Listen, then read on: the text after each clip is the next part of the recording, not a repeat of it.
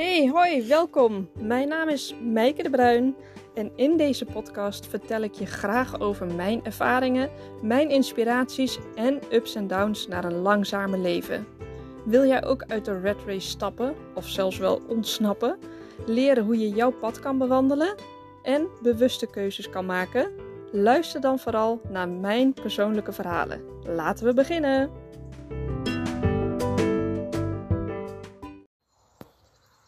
Hey hoi, leuk dat je er bent. Ik wil het graag met je hebben over ehm, ja, wat kan je beter doen? Iets snel beslissen en huppatee overgaan tot actie en doen? Of kun je beter drie keer nadenken voordat je echt uh, iets gaat uh, ondernemen? Nou, uh, ik kom hierop omdat van het weekend hebben we een podcast opgenomen met Stay on Tour met Sonja Onklin. Ik hoop dat je hem al geluisterd hebt. En anders uh, vooral even luisteren. Want hierin uh, bespreken we ja, hoe wij uh, tot onze reis zijn gekomen. En hoe we daarna weer de stap hebben gemaakt tot het emigreren. Dus um, ja, doordat zij de juiste vragen op het juiste moment stelde, denk ik dat ons verhaal heel goed naar voren is gekomen. Dus ga hem vooral eens even luisteren bij Stay on Tour. En dat kan je ook gewoon via Spotify doen. Um, ja, en zij vroeg dus ook van um, ja, hoe wij zo tot onze reis waren gekomen. En in haar introductie gaf ze ook al aan dat ze ons heel inspirerend vindt omdat wij zo daadkrachtig zijn. En terwijl zij die uh, introductie aan het vertellen was en die vragen stelde, kwam bij mij echt heel erg um, naar voren ineens, zag ik in één keer een rode lijn in onze relatie tussen Diederik en mij. En ik denk dat daadkracht daar echt de rode lijn in is. Um, toen wij namelijk bij elkaar kwamen, waren we allebei uh, net uit een hele lange relatie, allebei zo'n tien jaar. En we zijn heel snel eigenlijk ook weer uh, in onze relatie gestapt. We hebben wel uh, allebei gewoon nog een poosje alleen gewoond. Uh, voordat, we, nou, voordat ik eigenlijk uh, een relatie had met Diederik. Dus ik heb enigszins de bloemetjes wel buiten kunnen zetten. Maar um, toen we elkaar ontmoetten, zijn we ook begonnen vanuit een vriendschap. Maar toen we eenmaal echt hoog tot de boter verliefd waren en zoiets hadden van ja, we willen samen verder en dit voelt goed, zijn we ook heel snel samen gaan wonen. En um, ja, deed Diederik mij een huwelijksaanzoek. En nou, op de dag dat we trouwden, was ik ook al zwanger van onze Janne. Dus toen ging het in één keer heel snel. En later in ons leven hebben we ook best vrij snel grote beslissingen gemaakt. Bijvoorbeeld verhuizen van Enschede naar Deventer. Um, verhuizen van Deventer naar Gorssel. Terwijl de kinderen op de basisschool zaten in Deventer naar een andere basisschool gegaan. Um, de komst van onze kleine Elske. Uh, terwijl onze meiden al 8 en 7 waren, toch nog een keertje zwanger worden.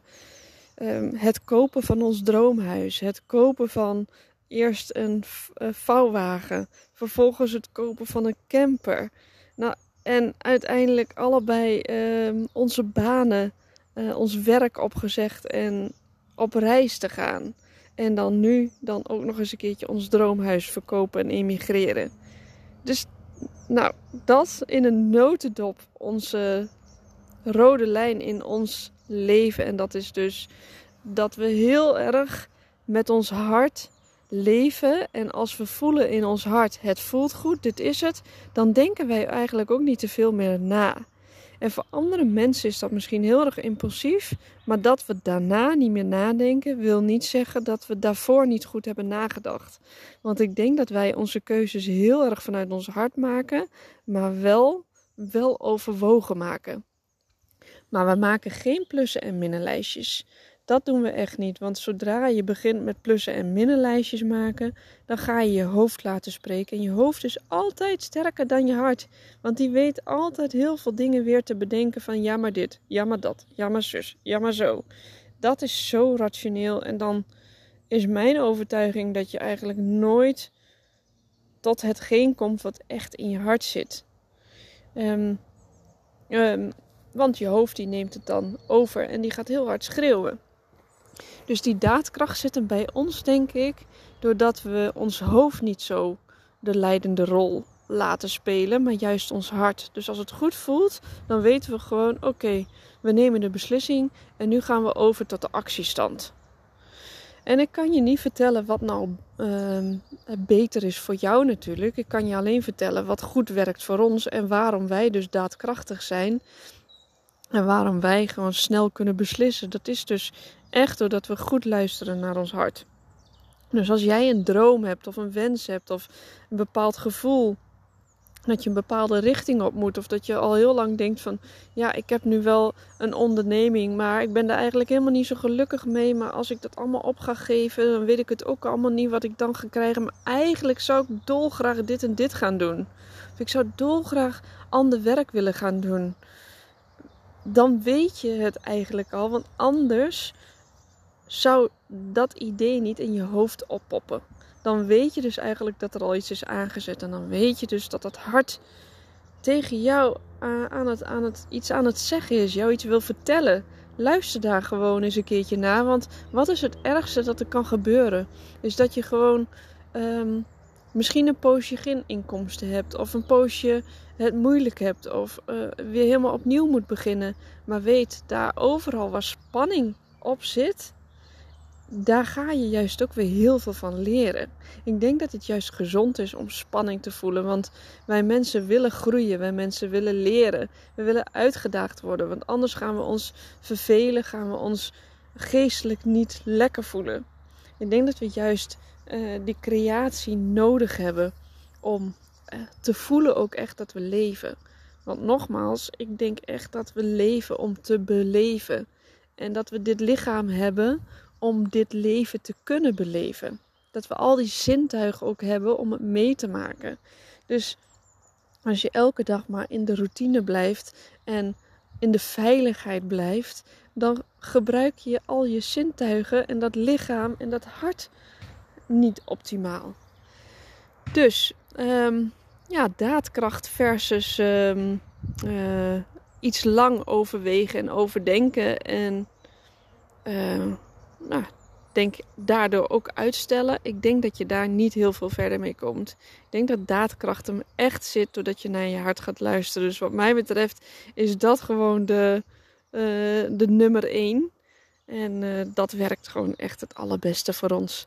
Ik hoop dat jij hier ook een beetje inspiratie uit hebt kunnen halen. En dat als jij iets hebt in je hart wat steeds luider uh, zijn boodschap durft te geven aan jou, ja, dan hoop ik dat jij ook daarna durft te luisteren.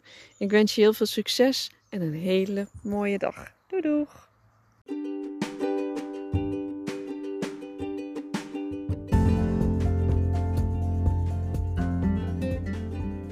Hey, dankjewel voor het luisteren. Neem ook vooral even een kijkje op mijn website leeflangzamer.nl. Daar kan je in de shop onder andere de drie-stapsmethode vinden om achter jouw passie te komen. En ook het geluksjournal staat hier. Die is zo waardevol omdat het jouw kompas wordt in je leven. En je vindt hier ook mijn programma Van Gedoe naar Geluk. Ik ontwikkel allemaal dingen die mij hebben geholpen en nog steeds helpen naar een langzamer en gelukkiger leven.